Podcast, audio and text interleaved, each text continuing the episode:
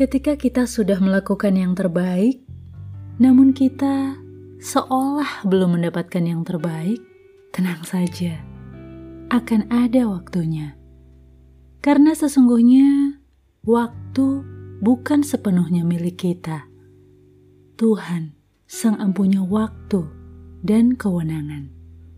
Dan Ia tahu apa yang terbaik dan kapan waktu terbaik melebihi yang kita tahu. Percaya dan berserah adalah dua hal yang sepertinya mudah, namun sungguh tidaklah mudah. Butuh legawa dan ikhlas.